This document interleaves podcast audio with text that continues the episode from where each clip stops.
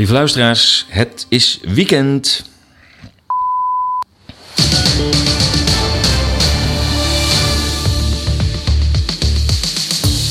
Het is weekend en weer tijd voor Radio Moddergat, de vrije podcastradio van ezas.nl. Twee wekelijks, 60 minuten lang berichten over bizarre tijden. Mijn naam is Paul de Bruin en we doteren 26 november 2021.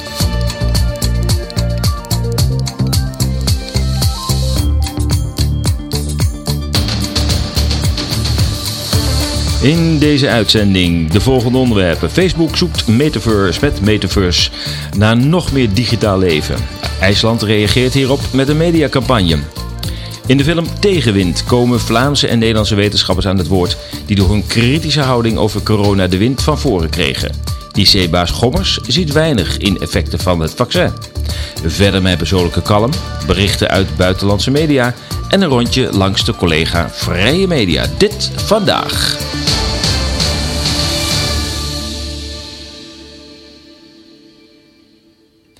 En we beginnen met de uitleg van onze nieuwe nieuwsbrief. Want de nieuwe nieuwsbrief ziet er totaal anders uit dan je van mij gewend bent. Namelijk, de nieuwsbrief is ondersteunend aan deze podcast. Met andere woorden, je vindt in de nieuwsbrief nu de fragmenten uitgelegd. Dus met andere woorden, als een bepaald beeld, als ik een bepaald beeld hier schets, of een foto of een video, uh, daar een audioclip uit uh, laat horen, dan heb je op dat moment al in je mailbox de nieuwe nieuwsbrief. En dan kun je de desbetreffende video gewoon integraal bekijken. Ook eventuele bronnen die ik gebruik hier in Radio Moddergat in de uitzending, die kun je per link vinden in die nieuwsbrief. Dus die nieuwsbrief heeft een heel andere functie gekregen. Dus niet meer eh, zeg maar eh, ander nieuws in het algemeen, maar hij sluit echt één op één aan bij de uitzendingen van Radio Moddergat. Um, deze uitzending duurt 60 minuten. Dat gaat uh, vanaf nu sowieso gebeuren. Iedere twee weken een uitzending van, uh, van 60 minuten. Um, verder um, is het ook nog eens even goed om aan te geven dat ik ook iets veranderd heb met de sponsoring. Wat is anders geworden? Namelijk, je kunt natuurlijk altijd sponsoren en uh, altijd doneren. Ik, ik, ik heb grote dankbaarheid voor diegenen die dat tot op heden uh, bij regelmaat uh, doen. Dank daarvoor. Daarmee steun je uh, dit vrije geluid van Radio Morgengat en de artikelen op ezas.nl. Maar er ligt nog een link met Radio Morgengat. Met andere woorden, als je bepaalde bedragen um, um, doneert, dan krijg je een vermelding hier in de uitzending van Radio Morgengat. Je kunt het allemaal vinden op ezas.nl slash doneren. Even een paar, uh, paar voorbeelden noemen. Als je bijvoorbeeld 22 euro en 22 cent doneert, dan noem ik je naam in de eerstvolgende podcast. Dus de eerstvolgende podcast na de storting uiteraard. Uh, doneer je 33 euro en 33 cent, dan uh, vermeld ik je naam en je woonplaats doneer je 44 euro en 44 cent. Dan vermeld ik je naam, woonplaats en een, een wens die je uitspreekt in de vorm van één zin.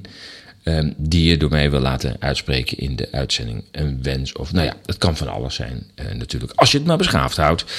En doneer je, ja, dat is dan echt de, de king of the donations. Uh, 99 euro en 99 uh, cent. En dat komt ja, regelmatig voor, dit soort bedragen. Niet 99 euro, 99, maar wel 100 euro. Um, dan naamsvermelding, uiteraard uh, de plaatsvermelding. Maar ook je kunt een tekst insturen uh, van, uh, van, van maximaal. eens even kijken. vijf, zes regels heb ik dat er nou bij gezet. Dat heb ik, 60 woorden heb ik erbij gezet. 60 woorden. Ja, dat, dat, dat mag in principe alles zijn. En nogmaals, als je het netjes houdt. En dan, dan lees ik het voor. Misschien dat we in een volgend stadium ook gaan werken met met, dat, dat je zelf een geluidsfragment kunt opsturen en dat dat in de uitzending wordt uh, um, gespeeld.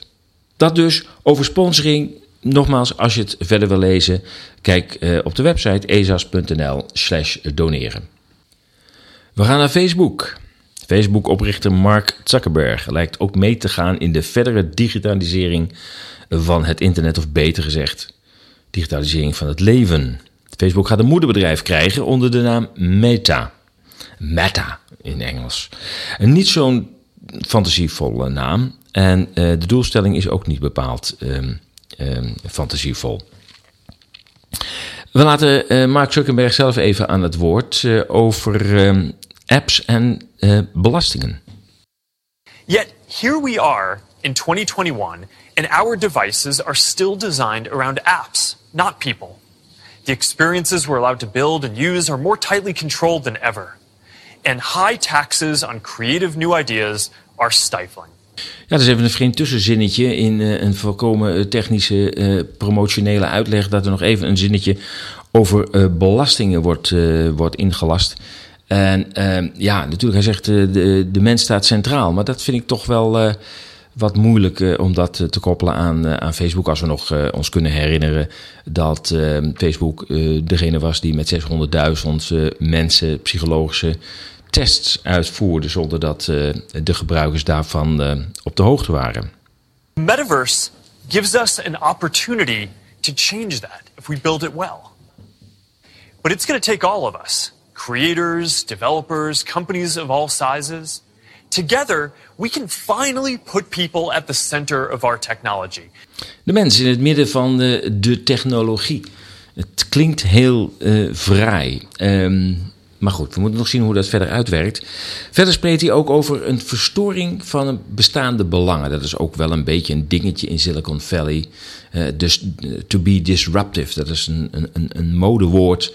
Um, waarbij je eigenlijk zegt, nou we zijn zo uh, goed bezig, zo creatief. We, verstoren gewoon de bestaande belangen. Ik denk eerlijk gezegd, al bedrijven als Facebook en Google, als die iets niet doen, is het bestaande belangen um, verstoren. Eerder uh, in het zadel houden. Yes, there will be challenges and risks and disruption of established interests. But there will also be opportunities and benefits that we can't even imagine yet. For connection, for creation, for learning, and joy. We'll all need to work together from the beginning to bring the best possible version of this future to life. A future where, with just a pair of glasses, you will be able to step beyond the physical world and into the kinds of experiences that we have talked about today. Nou ja, als dat geen, uh, geen droomwereld is waar we naartoe gaan. Uh, uiteindelijk komt het erop neer als je wat dieper in dat metaverse. Want dat is, dan, dat is dan het product. Meta wordt dan zeg maar die moedercompany. Maar dat metaverse, dat moet een soort totale integratie worden van digitale beleving. dat je digitaal in, in het theater kunt zitten. Nou, de, de elementen zijn er natuurlijk al lang. Alleen dat het veel meer met elkaar geïntegreerd gaat worden. Waarbij natuurlijk ook virtual reality een, uh, um, een rol gaat spelen. Dus uh, zet je bril op en je waant je op Schiphol dat je, dat je voor de gate staat en weggaat naar exotische landen. Maar ja, twintig minuten later kun je ook in een of ander Broadway-theater zitten. Dat is denk ik een beetje de beleving waar we naartoe gaan. Maar het veronderstelt wel dat je gewoon lekker thuis blijft en verder de straat niet meer op gaat. En helemaal opgesloten raakt in je eigen wereld. Ten slotte geeft uh, Zuckerberg nog even aan waarom nou precies uh, uh, Meta. We just announced that we are making fundamental change to our company. We are now looking at and reporting on our business as two different segments. One for our family of apps and one for our work on future platforms. And as part of this, it is time for us to adopt a new company brand to encompass everything that we do. To reflect who we are and what we hope to build, I am proud to announce that starting today, our company is now Meta. Nou, dat weet je dan ook weer. Meta. Gewoon meta. Met een, um, een symbool dat de, de, een logo dat staat voor oneindigheid. Wat, wat, ja, wat in feite de suggestie werkt van grenzeloze ambities. Dat lijkt een beetje tot uiting te komen in het concept van metaverse. Dat dus een combinatie is van virtuele en augmented reality. Uh, de gebruiker dus die uh, um, van het nieuwe product zal bijvoorbeeld, wat ik net zei, vergaderingen en concerten kunnen bijwonen. En ook gelijktijdig in, in meerdere ruimtes aanwezig kunnen zijn. Ja, dat moet je maar willen eigenlijk als één persoon om in twee ruimtes eh, tegelijkertijd aanwezig te willen zijn. Volgens mij heb je maar één brain en dat zal het toch allemaal moeten coördineren. Maar goed, dat, dat, uh, dat zal nog een uitwerking uh, moeten vinden. Uh, Zuckerberg legt uit dat daartoe de gebruiker een eigen avatar krijgt. Dat begrip kennen we eigenlijk al van een tijdje uh, uh, geleden. Een, een, kloon van jezelf in feite. In het nieuwe universum. Daar komt denk ik ook metaverse vandaan. Geen universe, maar een metaverse. Um, en, en, en je kunt jezelf uh, dus, dus klonen en, en op verschillende plekken tegelijk. Nou ja, je zit gewoon thuis in je stoel natuurlijk. Maar goed, digitaal kun je op meerdere plekken tegelijk zijn. En um, daar, worden dus ook augmented reality brillen voor gebruikt. Nieuwe spraakinterfaces, gebarenbesturingssystemen, slimme gadget technologie rond te gebruiken. En nog veel meer zullen deel uitmaken van, uh, van dit uh, programma. Sommigen zullen hier heel erg warm van worden. Anderen denken van alsjeblieft, laat me gewoon eens even lekker het huis uitgaan. Mensen ontmoeten in de real world. De timing lijkt overigens niet helemaal toevallig de coronacrisis, dat uh, uh, beter uh, kan worden gedefinieerd als een dekmantel van een virus, waaronder eigenlijk een, een behoorlijk digitaal industrieel programma wordt doorgedrukt. wat Klaus Schwab zei, het is een small window of opportunity to change the world. Klaus Schwab is voorman van het World Economic Forum. Een wereld waarin fysieke ontmoeting wordt ontmoedigd, zo niet onmogelijk wordt gemaakt. Miljarden wereldburgers hebben door deze crisis geleerd, tussen aanhalingstekens, dat andere mensen vooral een bron van besmetting kunnen zijn en direct en nabij contact zoveel mogelijk moet worden vermeden. Ja, de virtuele toepassingen moeten mensen dus thuis achter hun beeldscherm houden. Een surrogaatwereld bieden waarin mensen veilig, want zonder kans op besmetting, naar een concert kunnen kijken. Samenwerken zonder elkaar op de werkplek te treffen. Nou, ik zie al een bepaalde groep die, die daar gedwongen nu al voor in aanmerking komt. Uh, in een virtuele werkomgeving. En dan ook nog met de klimaatobsessie die hierna gaat komen, kan, het, kan ook het terugdringen van het verkeer uh, hiermee worden bevorderd. Je hoeft niet meer in je auto te stappen op weg naar je werk, je blijft immers thuis. Bovendien is alles dat zich online afspeelt natuurlijk ook wel volledig te controleren en te beïnvloeden. De mens wordt in feite van glas. Of het zover gaat komen is natuurlijk zeer de vraag. Veel mensen zijn Zoom-moe, hebben vierkante ogen van Microsoft Teams. Na de voor virusbestrijding nutteloos gebleken lockdowns komt nu ook misschien de tijdelijke invoering, ja, die komt al, die is er al, van toegangsdiscriminatie op grond van vaccinatiestatus. Uh, of het voor het werk ook gaat uh, gebeuren, dat is nog in de sterren, maar het lijkt er wel aan te komen.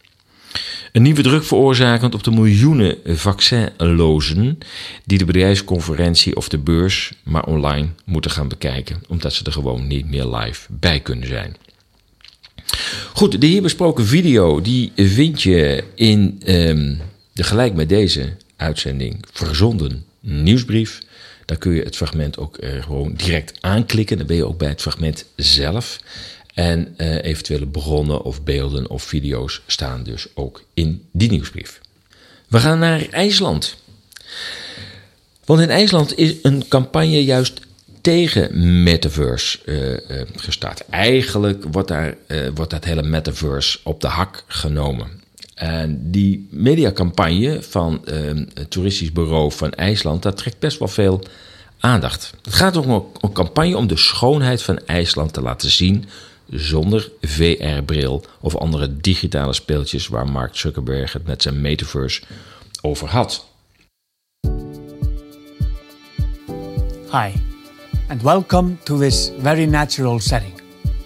Today, I want to talk about a revolutionary approach on how to connect our world without being super weird.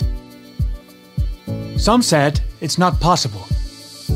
Some said it's out of reach. To them we say it's already here. En ondertussen wijst hij naar buiten naar een on oneindige ijsvlakte. And what do we call this not so new chapter in human connectivity? The Iceland verse. Iceland verse. Enhanced actual reality without silly looking headsets. In our open world experience, everything is real. Zo is dat. Alles is uh, echt in IJsland. Um, en dat is een beetje de boodschap, de nuchtere boodschap van de, van de IJslanders. De video kun je vinden ook in de begeleidende nieuwsbrief. Wetenschappers hebben het zwaar. Althans, de wetenschappers die een ander verhaal vertellen dan het officiële voorgeschreven narratief. En uh, dat hebben velen gemerkt. Afgelopen anderhalf jaar geband op social media, van YouTube afgemikt, ontslagen bij universiteiten. Enfin, die hebben nogal wat voor hun kiezen gehad. En um, daar, uit, uit, uit, die constatering is de film Tegenwind ontstaan. Een, een productie opgenomen in Spanje. En hierin komen zes gerespecteerde wetenschappers aan het woord. Waarvan dus een aantal afgelopen anderhalf jaar behoorlijk wat tegenwind hebben gekregen. omwille van een professionele visie, andere visie op de crisis. Een paar van hen zijn monddood gemaakt, nog een aantal van hen zijn openlijk geridiculiseerd of van LinkedIn gemikt. En een van hen, Sam Brokken, verloor zelf, zelfs zijn baan bij de, bij de universiteit.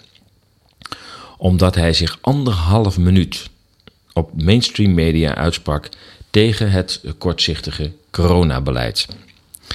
In uh, die film, film Tegenwind, hij is te zien op Blackbox uh, TV, komen onder andere aan het woord lector gezondheidswetenschappen, dus Sam Brokken, waar ik het net over had, klinisch psycholoog professor Dr. Matthias de Smet, vaccinoloog professor Dr. Theo Schetters, sociaal geograaf, statisticus en opiniepeiler Maurice de Hond, privacy specialist professor Dr. Paul de Hert en gezondheids- en welschijnseconoom professor Dr. Lieven Annemans. We gaan eerst even luisteren naar uh, uh, professor Theo Schetters. Die heeft zich verschillende malen online uitgelaten en kreeg heel wat over zich heen. Ten eerste epidemie omdat het niet in alle landen op dezelfde manier gaat. Er zijn landen waar eigenlijk bijna niks gebeurt. Uh, daar, daarom zeg ik dat. Ik zeg ook, ik wil niet zo gauw aan pandemie, omdat pandemie in principe natuurlijk gaat over ziektes waarbij heel veel slachtoffers vallen. En ofschoon je nu over deze anderhalf jaar bij elkaar 3,5 miljoen geregistreerde slachtoffers hebt, uh, is dit natuurlijk toch wel een beetje raar, want je bent golven, seizoenen van corona bij elkaar aan het optellen. En dat is, klinkt dan nu in één keer heel erg. Maar in de tijd dat ik malaria-onderzoek deed, stierven er per jaar 2,1 miljoen mensen aan malaria. Dat in één jaar? In één jaar. Daar heeft nooit iemand van wakker gelegen. Hij werd ontslagen bij de universiteit in, uh, in Vlaanderen, Zan Brokken. Hij uh, liet zich uh, in amper anderhalve minuut op de Vlaamse televisie ja, kritisch uit over een aantal zaken rondom uh, de coronamaatregelen. En hier spreekt hij over uh, de werking van de vaccins. Ik hoor dan in de media van ja, we moeten iedereen massaal gaan vaccineren tegen de Delta-variant. Terwijl we uit heel veel onderzoeken zien, nu al, dat er een, wat we dan noemen, een immune evasion is, of dat het uh, of de neutralizing bodies, de escape, dus met andere woorden, de antistoffen reageren niet meer van dat vaccin op die nieuwe mutaties. Dus de vraag is ook daar in het verlengde, is die hele vaccinatiestrategie, tenzij zoals Theo zegt, dat het eiwit wordt, allee, dat het vaccin wordt aangepast, dat het een veel breder spectrum kan bereiken. Maar als dat niet zo is, moeten we ook durven toegeven dat het vaccin misschien niet de zaligmakende oplossing is. En daar wordt ook alles op ingezet. Je zit met een indirecte en een directe dwang op, we merken dat nu bij mensen op het werk. Hè. Als ze niet worden gevaccineerd, krijgen ze problemen op het werk. Dat zijn ja, natuurlijk, dat is... Kinderen worden eigenlijk in een soort peer pressure gezet. Ik vind dat allemaal toch bedenkelijk. Ja. Ja, en dan komt hij op een ander uh, onderwerp. Uh, nou, A, dat hij de vaccins uh, toch niet zo heel werkzaam acht. En hij is daar absoluut natuurlijk niet de enige in. Er hebben zich al heel veel mensen die echte zakenkundig zijn gemeld over de werking van het vaccin. En eerlijk gezegd, ja, we ik zijn, het, het zijpelt ook door naar de mainstream media. Van ja, je bent niet volledig beschermd. Dus daarom moet een ander, degene die het vaccin nog niet willen, moeten dat dan ook maar doen. En dan ben je bij elkaar opgeteld, kan blijkbaar iets beter beschermen. Nou, dat is een beetje bullshit natuurlijk. Um, en dat begint langzamerhand bij heel veel mensen uh, door te dringen. Uh, we gaan nog even terug naar Sam Brokken, want die heeft het ook over het inenten van kinderen. Ja, dan wil ik misschien meteen uh, dat hete hangijzer aansnijden. Hè? Kinderen en vaccinatie. Ik, ik, zie biomedisch geen enkel nut om kinderen te vaccineren. Ze behoren niet tot de risicogroep, zullen de ziekte ook zelden of nooit echt ontwikkelen. zijn ook niet, blijkt uit studies, uh, de vector uh, van verspreiding. Toch zeker in mindere mate? En zeker in, ja, absoluut.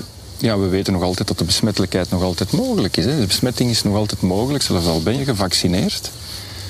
Dus ik, ik, vraag me af waarom dat we dan kinderen gaan verplichten om zich te laten vaccineren. Dan kom ik terug op mijn oude omgekeerde lockdown-principe, waar ik destijds mee begonnen ben. Blijf inzetten op de zwakkeren in de samenleving, mensen met een onderliggende aandoening. En dit is Lieve Annemans over de dood, onze omgang met de dood. Mijn bekend als je als je constant met de dood bezig bent en met trachten te vermijden ervan, dan vergeet je te leven. Dus je moet ook altijd durven leven, wetende dat we sterfelijk zijn. En hier spreekt uh, Theo Schetters. Want wat je ziet is dat in de wetenschap hebben wij discussie met elkaar. Ja. Je hebt mensen voor, je hebt mensen tegen. Je hebt resultaten die een hypothese ondersteunen. Je hebt resultaten die een hypothese niet ondersteunen. Wat er nu gebeurt is, het lijkt erop alsof factcheckers een bepaalde richting ja.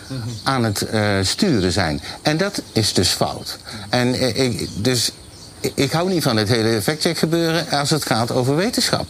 Als het nou over pure leugens gaat, dan zeg ze ja. Maar dit gaat over van bijvoorbeeld een meta-analyse over ivermectine die laat zien van nou, de kans dat dit echt niks doet, die is toch om en nabij nul. Nou, dat mag niet gezegd worden. De film Tegenwind. Voor de echt ingewijden zal het niet zo heel veel nieuws opleveren qua inhoud, maar zeker qua perspectieven en visie is het zeer interessant om die interactie tussen de verschillende wetenschappers, tussen Nederlandse wetenschappers en Vlaamse wetenschappers uh, uh, te zien. De film uh, eindigt met een, een, een, mooie conclusie. Ik, ik denk het echt. Ik denk dat wij, dat wij hier dat we daarop gaan terugkijken als een een catastrofe, maar dan in de zin van de complexe en dynamische systeemtheorie. Dus een moment waarop een systeem kantelt van het ene evenwicht naar het andere via een fase van enorme chaos. Alles komt goed. Aan het eind komt alles goed. En als het uh, niet goed komt, dan is het nog niet het einde. Dus uh, ja. uh, zo kun je het altijd uitleggen ja. natuurlijk. Ja.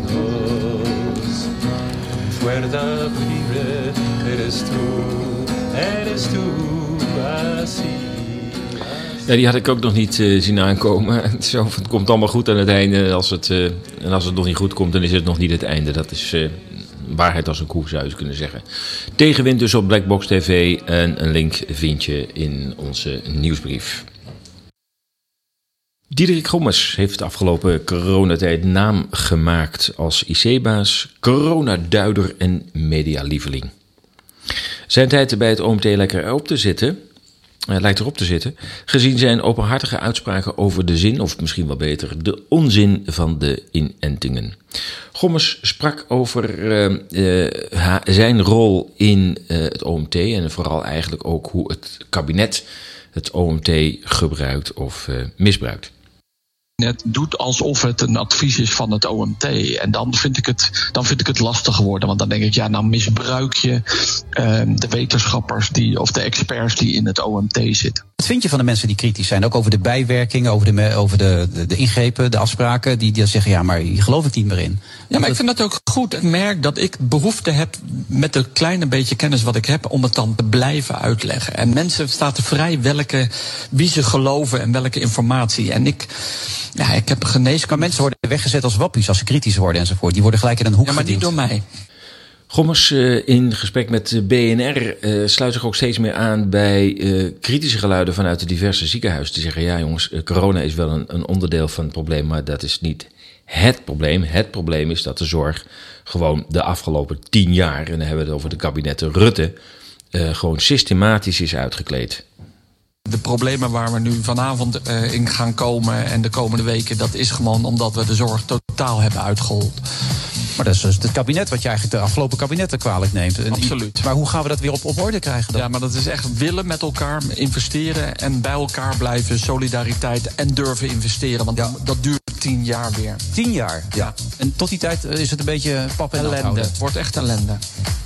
Kortom, uh, we mogen ons borst wel nat maken. 2023 zal een cruciaal worden voor de gezondheidszorg. Men voorspelt zo'n 75.000 mensen tekort. In Nederland heb ik het over, hè? Uh, 75.000 mensen tekort in de zorg. Dus dat gaat nogal het een het ander betekenen. Het wordt uh, wel weer een ingewikkeld jaar, dat uh, 2000 en ik zei 23. Laten we het voorlopig hebben, houden bij 2022. Je luistert naar Radio Moddergat, wereldwijd op luisteren via Soundcloud, Apple Podcast, TuneIn en Spotify.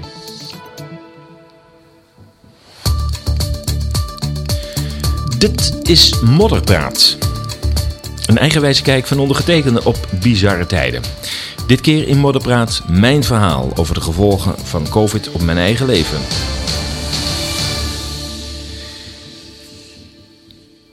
Ja, want um, ik heb eigenlijk de afgelopen radio moddergatten uh, niet zo heel veel verteld over mezelf. En wat eigenlijk het hele COVID-gebeuren met mijzelf heeft gedaan. Vandaar uh, dat ik in deze eerste nieuwe uitzending uh, van Radio Moddergat daar wel bij stil wil staan. Um, ik, ik zelf was de afgelopen tien jaar, ik praat dan over de periode 2010 tot 2020, ja precies tien jaar, was ik, um, had, ik had ik twee belangrijke taken. Aan, aan, de ene kant was ik stadsgids in, in Berlijn. Daar woonde ik niet, maar ik was er wel heel erg vaak. En ik nam dan Nederlandse groepen mee naar de stad om hen um, Berlijn te tonen. En dat was niet zozeer in toeristisch opzicht, maar meer in uh, stedenbouwkundig opzicht. In de zin van um, wat ontwikkelt zich nu in deze stad? Hè? Het is natuurlijk een stad die zeg maar, vanaf nul moest beginnen na de Tweede Wereldoorlog, maar ook nog weer door de val van de muur in 1989 toch tamelijk weer bij een soort uh, nulsituatie was uitgekomen. Er viel 160 eh, kilometer muur viel de weg en daar zit er was ook heel veel ruimte, vooral in de binnenstad waar die muur eigenlijk uit twee muren bestond met een hele grote tussenruimte. Dus er viel heel veel oppervlak viel ineens uh, vrij en daar vestigden zich allerlei alternatieve projecten en initiatieven op daar is ook voor een deel de, de, de clubscene van Berlijn uh, gevestigd. Dus ik liet vooral ja, stedenbouwkundigen, architecten, bestuurders van, van gemeente of provincie, politici, liet ik daar zeg maar de, de alternatieve kijk op de stad. Zo van, het kan ook bottom-up. je kunt ook met communities werken. Je kunt ook met collectief particulier opdrachtgeverschap aan de gang, CPO. Um, natuurlijk vertelde ik ook het een en het ander over de geschiedenis. Uh, Berlijn, uh, ja, ik zeg wel eens, als je een stoeptegel omdraait, krijg je wel een verhaal uh, te horen over de geschiedenis. Um, en die vervlocht ik dan ook in mijn rondleidingen al daar. En zo heb ik dat zo tien jaar gedaan. En er is natuurlijk een abrupt einde gekomen aan deze rondleidingen in 2020. Um, ik ben nog één keer in Berlijn geweest in 2020. Dat was in augustus. Toen met die grote demonstratie. Uh, wat een, eh, een, een, zeer indrukwekkend spektakel was. Ik heb nog nooit zoveel mensen bij elkaar uh, gezien. Waarvan overigens de media natuurlijk dag daarna zeiden dat er zo'n 20.000 mensen waren. Nou, ik denk dat je het wel maal 10 of 20 kunt doen. Zeker zeer vreedzaam verlopen allemaal. En uh, er was geloof ik één incident, daar heb ik het gevoel van dat dat uh, bewust is opgezet. Daar stonden de camera's al klaar, dus dat is ook wel knap als je van tevoren al weet waar je de camera moet opstellen. Uh, en dat is dan uiteindelijk de dag daarna in de media uh, gekomen, maar dat er uh, zo'n 400.000, 500.000, sommigen zeggen zelfs 800.000 tot een miljoen mensen bij elkaar kwamen om heel vreedzaam uh, te demonstreren tegen de maatregelen. Dat, ehm, ja, dat kreeg de pers dus niet over zijn lippen de volgende. Dat vond ik heel teleurstellend. Maar goed, we hebben anderhalf jaar van dit soort teleurstellingen achter de rug als het gaat om, om de media. Maar ja, 2019 was het laatste jaar dat ik de rondleidingen uh, uh, gaf. En dat was ook het jaar dat het 30 jaar na de val van de Berlijnse muur was. Die is gevallen tenslotte in 1989. Ehm, ik kan me herinneren dat het 25 jaar daarna was dat, er een, dat Berlijn dat op een spectaculaire wijze heeft gevierd, herdacht en hervierd tegelijk. Het is, een, dubbele emotie eigenlijk natuurlijk, die, die muur. Maar toen het 30 jaar, dus 19, uh, uh, 2019 bedoel ik, was het 30 jaar na de val van de muur. Toen hebben ze daar natuurlijk weer heel veel aandacht aan besteed. En ik, maar dan wel meer op minder spectaculair, meer inhoudelijk, met tentoonstellingen, exposities, presentaties. Nou, ik moet zeggen, ja, dat voor, voor iemand die zich uh, interesseert in de Duitse, maar ook vooral de Berlijnse geschiedenis, was het natuurlijk uh, een fantastisch event. Ik kan me nog herinneren dat ik stond op het plein. Het was s'avonds, was al donker. het was al november, hè? dus is het al vroeg donker. Uh, waar, van, van het Stasi-hoofdkwartier, van het voormalige Stasi-hoofdkwartier, uh, waar de minister van Staatsveiligheid zat, Ulrich Mielke. En dan hadden ze een hele grote projectie op het gebouw gemaakt. En daar stond de leus op, de, de, de, de, de kreet op. Als je je niet beweegt, bemerk je de ketenen niet. En dat is ook, ja, ik, ik, nou, twee dingen erover. Ik keek ernaar met, ja, jeetje, een rare geschiedenis eigenlijk geweest. Hè? Ja, nou ja, goed, oké, dat is al 30 jaar geleden. Dat, hè, dat soort dingen gaan zich gewoon niet meer herhalen. Ik praat over november 2019. Uh, over het plein schalde ook nog een telefoongesprek tussen een Stasi-officier en een moeder. En die Stasi-officier die uh, zei tegen die moeder: Ik kan er ook voor zorgen dat jouw dochter verdwijnt en dat je nooit meer iets van haar zult horen. En uiteindelijk, die, die, moeder raakte natuurlijk enorm geëmotioneerd aan de andere kant van de lijn. Die voelde zich verschrikkelijk gechanteerd. Ik weet niet, de context van het telefoongesprek uh, uh, werd me niet duidelijk. Maar het geeft een beetje aan dat die Stasi uh, helemaal ontspoorde. Sowieso was het natuurlijk een redelijk ontspoorde staat. waarbij Stasi-officieren gewoon mensen verschrikkelijk gingen chanteren. Iets wat we nu overigens ook zien. Het, uh, het woord chanteren kun je nu ook uh, gewoon weer gebruiken. Um, alleen we zitten nog net, denk ik, niet in het stadium van waar ik het net over, uh, over had. Ja, daarnaast ben ik vooral vanaf 2012, eind 2012, begin 2013 actief geweest in een, in een stadsproject in Arnhem. Een alternatief stadsproject. En dat sloot heel erg goed aan bij wat ik in Berlijn zag. alternatieve stedelijke ontwikkeling, bottom-up. Uh, gebouwen die uh, ja, wachten op een nieuwe bestemming en uh, nou, om die zeg maar een nieuwe toekomst eh, te geven. Nou, uiteindelijk is het ook gelukt. Uiteindelijk zijn het zo'n zes gebouwen geweest die we als stichting van de gemeente hebben gehuurd. vijf jaar hebben gerund in feite. Ehm, toen was de periode officieel afgelopen, maar ehm, ja, men vond toch in de gemeenteraad dat het project eigenlijk uh, verder moest gaan, maar dan in een andere vorm. Dat is ook gebeurd. En uiteindelijk leidt het ertoe dat uh, een deel van het gebouw zal worden gesloopt en een nieuwbouw voor in de plaats komt, maar nog steeds met dezelfde bedoeling. Namelijk dat dat een creatieve plek blijft, of in ieder geval een plek blijft voor creatief ondernemerschap in, uh, in Arnhem. Het is allemaal vastgelegd in contracten met de kopers van de, van de panden die niet zijn gesloopt. Het is vastgelegd in het, in het bestemmingsplan. En um, ja, dat heb ik eigenlijk uh, vanaf 2013 gedaan. Ik was uh, samen met uh, iemand anders de, de initiatiefnemer. Um, oprichter van de stichting en ook voorzitter, de hele tijd ook de voorzitter van de stichting. Tot het moment daar kwam dat de QR-code om de hoek kwam kijken. En ja, ik zag hem al aankomen. Ik denk, nou, er zal wel eens een keer een bijeenkomst plaats gaan vinden in een van de gebouwen. En die zal ook nog wel eens een keer over dit project kunnen gaan. Omdat het toch een succesvol project is waar iedereen graag uh, over wil spreken. En dat, uh, uh, dat moment dat kwam dan ook. Um, alleen ja, ikzelf als oprichter, voorzitter van de stichting, konden er niet bij aanwezig zijn vanwege de QR-code. En dat was voor mij de, de reden om te zeggen, nou dan is het ook sloes. Ehm, als ik niet eens meer bij mijn eigen bijeenkomsten mag zijn of bijeenkomsten die gaan over mijn project of ons project dan hou ik het voor, uh, gezien. En bovendien wilde ik ook niet dat ik voorzitter ben van een stichting die verantwoordelijk wordt voor het discrimineren van mensen op basis van hun besluit rondom hun gezondheid. Ik denk, ja, dat gaat niet onder mijn verantwoordelijkheid uh, gebeuren. Wat de stichting nu doet, dat is aan hen. Maar ik wil dat niet op mijn, uh, op mijn cv hebben als bestuurder. Dat ik mensen de deur heb moeten wijzen omdat ze dat QR-codetje niet hadden. Dus ja, het heeft voor mij uh, betekend dat twee uh, dagvullende taken, zowel rondleiden in Berlijn als uh, ja, het stedenbouwkundige project, dat die eigenlijk met, met de komst van COVID een abrupt einde hebben genomen. Maar goed, nieuw leven geblazen in de website die ik toch al had. Enerzijds anderzijds.nl, nu ezas.nl, maar met dezelfde betekenis. En dat betekent dat ik nu eh, veel tijd steek in, in, deze nieuwswebsite, in de, de uitzendingen van Radio Moddergat. Maar ook in contacten met nieuwe groepen. Dat is, dat is zeer, zeer inspirerend om te zien dat er toch heel veel mensen zijn die zeggen: ja, we kunnen wel blijven klagen. Uh, we moeten ook blijven strijden tegen toch het grote onrecht wat nu plaatsvindt. Het is echt onvoorstelbaar dat, dat de, deze samenleving, dat onze overheid dat doet en dat een groot deel van de samenleving het ook allemaal wel best vindt dat dat gebeurt. Het is schokkend.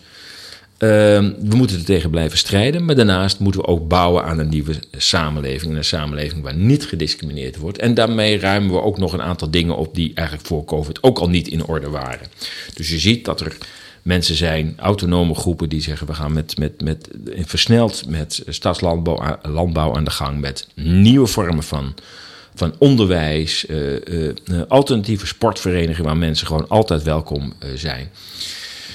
Um, ja, en daarnaast, als het gaat om mijn persoon, um, zijn er natuurlijk ook meerdere collega's, uiteraard. Café Weltsmets, uh, Blackbox TV, Common Sense TV. Enfin, de lijst is ongelooflijk lang van nieuwe vrije media. Deel was er al, maar er zijn er ook zeker een aantal bijgekomen. Jorn Luca bijvoorbeeld, bij The Truman Show.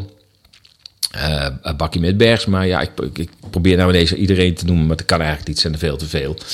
Uh, daarom is er ook een vereniging opgericht, de Vereniging van Vrije Journalisten. Uh, daar hadden we onlangs een, een, een bijeenkomst, een vergadering mee. En het is fantastisch hoe, om te zien hoe rijk nu dat alternatieve vrije medialandschap in Nederland is geworden. Er waren ook een aantal collega's uit Vlaanderen bij.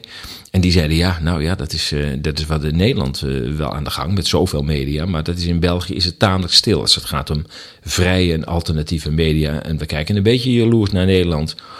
Hoe, hoe groots dat wordt aangepakt en ook hoeveel professionele vrije media er inmiddels tussen zitten. Dus ja, Uh, dat zijn de effecten op, uh, op mijn leven uh, geweest. ja, aan de ene kant was het rouw, dat, dat een bepaald leven waarschijnlijk niet meer terugkomt. Bewust verstoord, daar zit ook een stukje boosheid bij mij. Dat ik denk, ja, dit is, de, deze ellende is dus bewust veroorzaakt. Um, aan de andere kant denk ik ook, het biedt ook weer zoveel nieuwe kansen. Ik ontmoet zoveel nieuwe mensen met, met energie om dingen weer op te bouwen. Um, dat is ook een beetje waar, uh, waar ik altijd warm van loop om dingen te starten. Um, ja, wat dat betreft is het natuurlijk ook wel weer een mooie en hoopvolle tijd. En ik hoop dat, ja, dat jij dat ook zo ervaart. En dat je zegt, ja oké, okay, ik heb een aantal dingen moeten laten schieten nu. Maar um, ik, uh, ik zie toch ook wel weer nieuwe kansen. We gaan naar Israël. בגל הזה אנחנו רואים הדבקות ותחלואה של מחוסנים. אנחנו רואים מחוסנים שחולים ומגיעים במצב קשה לבית החולים. Ja, het wordt in Israël toch wel steeds duidelijker dat de inentingen geen onverdeeld succes zijn. Niet alleen is het serum gebaseerd op het stamvirus van begin 2020, maar de tienduizenden gemelde doden en bijna 2 miljoen gemelde mensen in de EU met forse bijwerkingen verraden dat het zogenaamde vaccin niet veilig is. Israël, waar men een van de hoogste vaccinatiegraden van de wereld zegt te hebben en men al aan de derde inentingsronde is begonnen, lopen de ziekenhuizen nu vol met mensen die dubbel ingeënt zijn.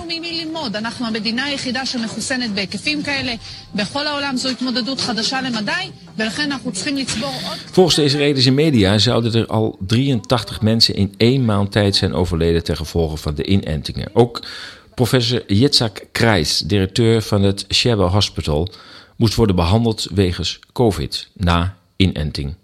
Kruis was de derde persoon na de premier en de minister van Gezondheidszorg die de inentingen ontving.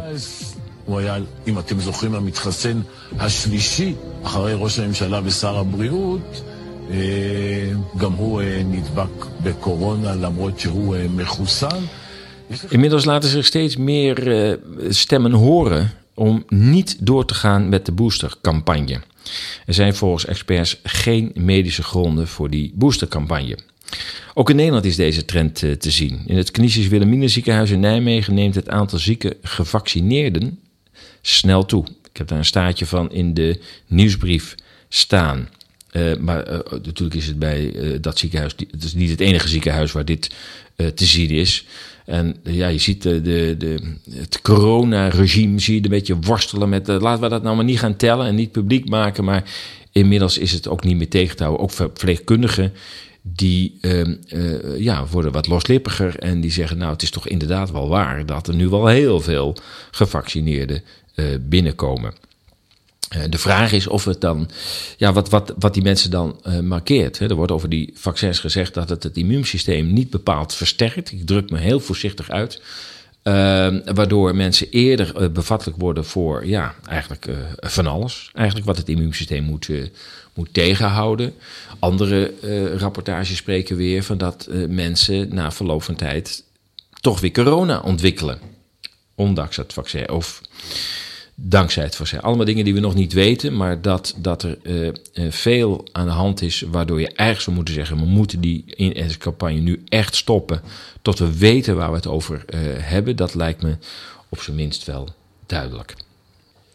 Opvallend is overigens dat in de mainstream media um, ja, dat toch ook steeds meer naar voren komt. Het lijkt wel of de media denken: ja, het is ook langzamerhand niet meer tegen te houden. omdat uh, er zich toch dingen in de, in de openbare ruimte afspelen die onze lezers toch ook wel zien. Uh, de Berliner Zeitung, die toch ook niet uh, vies van was om anderhalf jaar lang de angst maximaal op te voeren, die heeft onlangs een lijst gepubliceerd met allemaal sporters die toch wel op merkwaardige wijze binnen een redelijk korte tijd na inenting ehm, ja, allerlei problemen kregen dusdanig problemen dat ze hun sport niet konden voortzetten. Dat kan uh, hartstilstand uh, zijn. Ehm, sommigen stierven ook, anderen moesten gereanimeerd worden. Ehm, hartstilstand, um, even kijken, nog, wat zit er nog meer allemaal bij? Ja, veel rondom het, om het hart. Dat is ook een van de problemen met de vaccins. Dat is wel duidelijk geworden. Dat vooral jongere mensen problemen krijgen met het hart. En vooral de hartspier, heb ik begrepen, dat daar ontstekingen aan kunnen uh, ontstaan. Maar het, uh, het klonteren van bloed is een ander verschijnsel dat kablijkelijk met de, de vaccins, de inentingen, uh, samenhangt.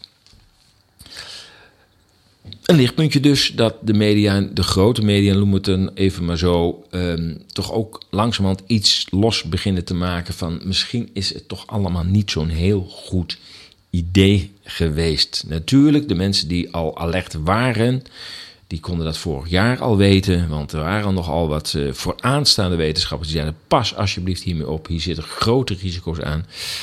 Maar ja, goed, blijkelijk uh, duurt het een jaar uh, extra voordat het grote publiek met dit soort twijfels mag kennismaken. Um, we zien overigens wel dat wereldwijd uh, het aantal demonstraties toeneemt en ook echt aanhoudt. Uh, je kunt bijna geen land meer noemen waar niet gedemonstreerd wordt. Hè? Ook in Nederland, uh, maar eigenlijk ja, in, in ieder land. En dat is wel erg hoopgevend dat steeds meer mensen denken: het moet nou langzamerhand maar eens afgelopen zijn. Het coronavirus was niet nieuw, dat hebben we al heel vaak meegemaakt. En dat is ook waarom heel veel mensen het überhaupt niet krijgen. Omdat ze nog geheugen hebben aan het vorige coronavirus. Dat weliswaar anders was, maar toch tot dezelfde familie behoort. Dus heel veel mensen zijn überhaupt niet ziek geworden. En hebben ook een hele grote kans dat ze het ook nooit zullen worden. Ook al komen ze ermee in uh, aanraking. We gaan even naar uh, Milaan. Daar werd massaal gedemonstreerd.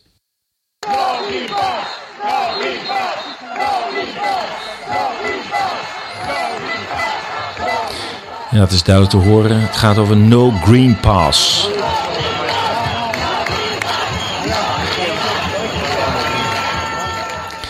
Maar ook uh, in landen als Oostenrijk, die het helemaal bond maakt.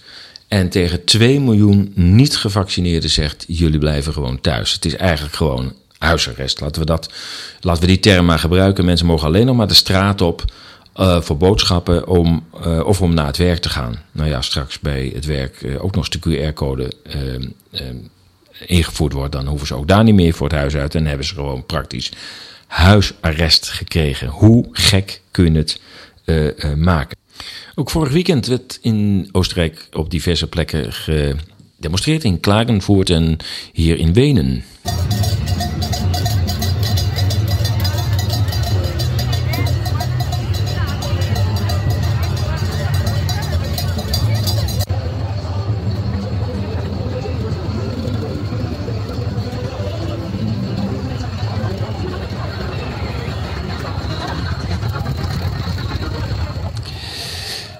Een link naar de video zal eh, te vinden zijn in, ehm, in de nieuwsbrief, of is te vinden in de nieuwsbrief. Je hebt hem als het goed is bij de hand. Hè. Wordt nu ook eh, gelijktijdig verzonden met het eh, uploaden van de uitzending van Radio Moddergat. Vrijdagavond zo tussen 6 en 8. Ik kan het niet, precies timen. De nieuwsbrief kan wel goed getimed worden, maar het uploaden van, de, ehm, van Radio Moddergat gaat minder nauwkeurig. Eh, het moet eerst naar zeg maar, eh, de host, en dat is in dit geval SoundCloud, en dan wordt het via RSS-feed wordt het naar de andere eh, providers doorgestuurd. En daar, daar zit gewoon een tijdsverloop in die varieert. Maar zeg maar tussen 6 en 8 elke vrijdag of eens in de twee weken op de vrijdagavond tref je daar Radio Moddergat aan en krijg je rond een uur of zes krijg je de nieuwsbrief met alle links en, en bronnen daarin.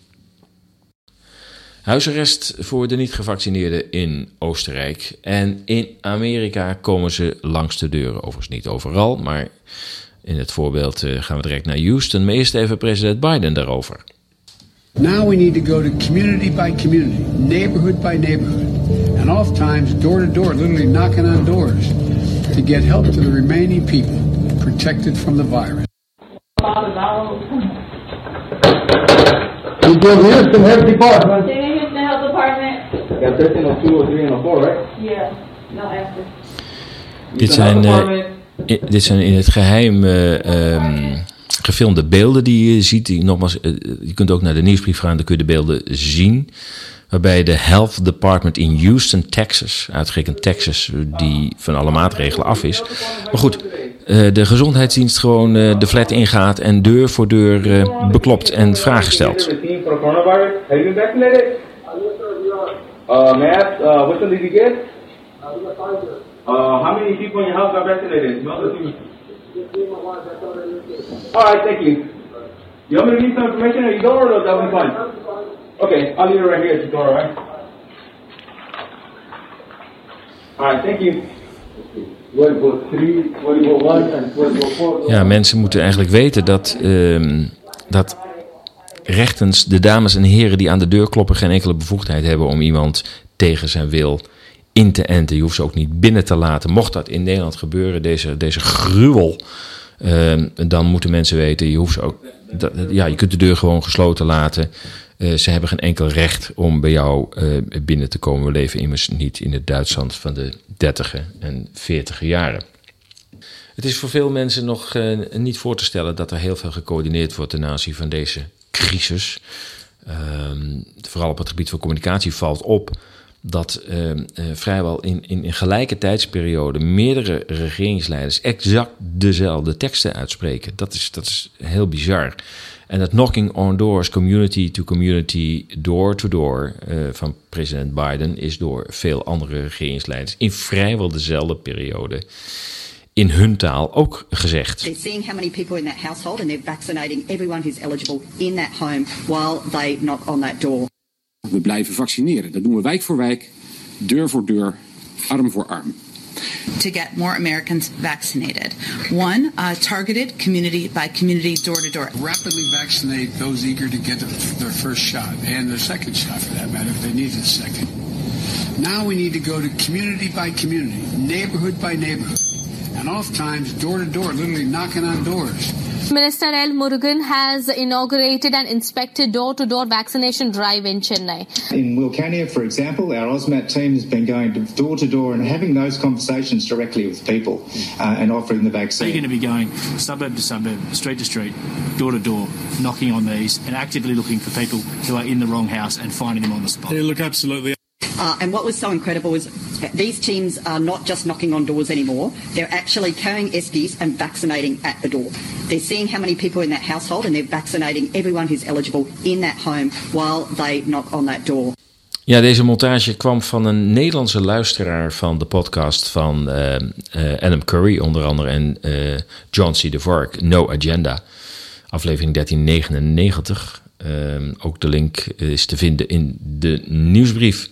En vooral de laatste eh, quote was natuurlijk wel een gruwel, omdat men gewoon zegt: ja, wij. eh, wij, wij, gaan gewoon met een ID eh, naar de deur en we gaan mensen gewoon ter plekke. We vragen hoeveel mensen er in huis zijn en die worden gewoon ter plekke gevaccineerd. Ik, uh, ja, je mag de beroemde vergelijking niet maken, maar dit zijn toch wel afschuwelijke methodes van een totaal ontspoorde overheid. Ik geloof dat ik daarmee dan toch niet bepaald overdrijf. We blijven nog even bij berichten uit het uh, buitenland. Ik lees op uh, Twitter, op de Twitter-account van IC en longarts Pierre Corey, als ik het goed uitspreek. Hij schrijft erop: Tokio in het bijzonder verslaat COVID met IVM, ivermectin, hè? ivermectine, het uh, verboden woord, het verboden medicijn. Uh, met de minste uh, ziekenhuisopnames sinds de pandemie. Kom op wereld, wakker worden, wakker worden. En hij uh, toont een, een grafiek waarin blijkt dat vanaf 1 september jongsleden uh, daar, daarvoor zie je een grafiek die met golven omhoog gaat. Het gaat dan natuurlijk om het aantal besmetten, het aantal mensen dat in het ziekenhuis is opgenomen. Dat gaat op en neer. En vooral in de zomer gaat het neer. En uh, ja, tegen het najaar loopt dat dan ook weer op. Maar vanaf uh, begin september schijnt dus ivermectine te worden toegepast. En dan zie je de lijn gewoon bijna naar beneden vallen. Dan, dan, het, het gaat richting nul. Nou ja, dat zijn ook de uh, ervaringen in India en uh, Afrika. Het verboden woord. Uh, ik, ja, wanneer, wanneer gaat er nu eens een opstand komen dat, dat wij dus ministers hebben die dit verbieden? Dit levensreddende medicijn. Zweden, die uh, valt toch weer voor het vaccinatiepaspoort. Uh, als lichtend voorbeeld van een zeer laissez-faire benadering ten aanzien van de coronamaatregelen, lijkt Zweden toch wel te vallen voor dat vaccinatiepaspoort. Uh, ja, nou, ja, diegenen die hun koffers uh, voor een vlucht naar Zweden al hadden gebakt, die kunnen dus net zo goed thuis blijven. Het leek een land van rust en reden te zijn, maar ja, men heeft een vaccinatiegraad van 76,6% voor uh, mensen boven de 18 jaar. En uh, men denkt waarschijnlijk dan toch met uh, het, de, de, de COVID-pas ehm, die de laatste twijfelaars dus over de streep te kunnen, kunnen trekken. Ik weet niet, dat, dat kan ik zo snel niet zien, of die pas dus ook beperkingen in Zweden zelf gaat opleveren. Het kan ook zijn dat het alleen maar voor reizen buiten Zweden wordt gebruikt. Dat, dat zie je per land nog wel een beetje verschillen, hoe ze daar nou uiteindelijk mee omgaan. Het bericht komt uit de Off Guardian en de link staat in de nieuwsbrief. Um, ja, het kan zijn dat, uh, dat Zweden is gezwicht voor de druk uit Brussel, die per se natuurlijk die Europese Green Pass door wil drukken. En uh, misschien Zweden toch uh, onder druk is gezet. Ik weet ook niet wat de invloed is van het ID 2020-programma van Bill Gates en zijn uh, vrienden van de Rockefeller Foundation en Gavi en Accenture, die uh, wereldwijd iedereen het recht op een digitale idee niet willen ontzeggen. Nou, dat is, dat is, dat is ook een vorm van inclusiviteit. Um, nou ja, we gaan het uh, allemaal afwachten. Kortom, er is nog heel veel in beweging. Um, ja, we gaan even naar de vrije media. En die uh, hebben natuurlijk de nodige uh, informatie uh, de afgelopen weken weer over ons uitgestort. Er is zoveel te berichten. Ik merk dat ook zelf. Dat ik af en toe ook niet weet waar ik aandacht aan moet besteden. Want er is zo ontzettend veel. Een zeer moeilijk onderwerp om het over te hebben. Een zeer edgy subject zou je kunnen zeggen. Is het satanisch kindermisbruik in Nederland. Nederland is overigens uh, schijnt in de wereld uh, ja, toch wel de belangrijkste leverancier van kinderporno te zijn. Dat zal niet voor niks zijn. nou ja, bij, als het gaat om statistisch kindermisbruik zouden vooral uh, topambtenaren betrokken zijn. Yvonne Keuls, schrijfster Yvonne Keuls, heeft er ooit aandacht aan besteed, besteed over dat veelvuldig seksueel misbruik bij de rechterlijke macht hè, ten aanzien van minderjarigen. Uh, het, balletje begon echt pas te rollen toen de VPRO vorig jaar het Argos-programma een jaar lang onderzoek uh, deed naar deze situatie. En uh, met een, een, een serie uitzendingen kwam. Daarvan staat de link ook in de, in de nieuwsbrief. En dat heeft toegeleid dat de Tweede Kamer op een gegeven moment wel het onderwerp moest bespreken. Er is een motie aangenomen. Ehm, ehm, dat namelijk Kamerbreed uh, waarbij een onderzoek wordt uh, gelast uh, van of deze berichten waar zouden zijn. Uh, Grapperhaus heeft er lang over gedaan om te reageren en kwam uiteindelijk met het voorstel om een commissie binnen het ministerie van Justitie op te richten. Nou, dat is toch best wel lastig, want het is nou juist het ministerie waar de meeste verdenkingen naartoe gaan. Ja, dan is het een beetje raar om dan ook datzelfde ministerie te vragen om zichzelf te onderzoeken. Um, Gideon van Meijer van Forum voor Democratie heeft gezegd: ja, dit, dit kan niet. Uh, onderzoeken moet absoluut, maar dan wel door een echt onafhankelijke um, commissie. Waar het echter om gaat, is dat na aanleiding van dat onderzoek van Argos, is er dus een motie door de gehele Tweede Kamer aangenomen, eind vorig jaar, mm -hmm. waarin de Kamer niet de vraag stelt of dit voorkomt. Dat is een vaststaand gegeven. Ja. Er staat in die motie constaterende dat sadistisch kindermisbruik plaatsvindt. En verzoekt de regering om een onafhankelijk onderzoek in te stellen naar de aard en omvang van georganiseerd sadistisch ritueel kindermisbruik. Precies. Onafhankelijk. En nou, na allerlei, nadat die motie werd aangenomen, die overigens in eerste instantie al door de minister werd ontraden. Ja. Dat geeft al te denken, want het is heel gebruikelijk als de Kamer een motie indient met het verzoek om een onderzoek, dat de minister zegt: Nou ja, we laten het oordeel aan de Kamer. Precies. En in dit geval zei de minister: Ik ontraad deze motie. Dus de minister zit heel duidelijk niet te wachten op een onderzoek naar dit fenomeen. Op het Telegram-kanaal van de klokkenluiders of klokkenluiders uh, troffen we nog uh, dit bericht aan. Een Australische voormalige Army Special Forces luitenant-kolonel die het publiek toespreekt.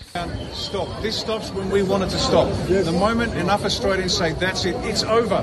Come on, if you don't put the tools down, then this will continue until they have killed all of us, and that's what this is about. This is not about health. This is not about a disease. This is about it destroying the Australian people. From today, tools down. Make whatever excuse you need to: stress leave, holidays, long service, whatever. Close it down and just get yourself through to Christmas. Shut down the country, make it ungovernable up until Christmas, and you'll be fine. Ja, leg het land plat tot kerstmis. Zorg dat het land onregeerbaar wordt. Daartoe roept hij op um, als voormalig luitenant-kolonel van het Australische leger. Dat is nogal wat. Waar gaat het naartoe, jongens? Waar gaat het naartoe? Het zit er weer op. Radio Moddergat van 26 november 2021. Als je deze uitzending hebt gewaardeerd, bezoek dan onze donatiepagina op ezas.nl. De ESA's nieuwsbrief is onmisbaar bij het beluisteren van Radio Moddergat. Ben je nog niet geabonneerd? Meld je dan aan via ezas.nl slash ezas-volgen.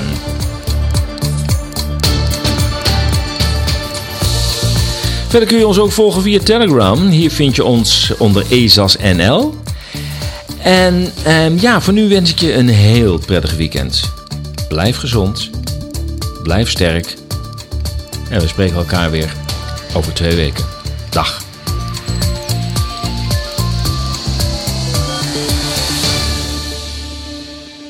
Er is geen discussie. Nederland gaat weer normaal doen. En als je dat niet wil, Mark of Hugo, dan ga je maar lekker weg.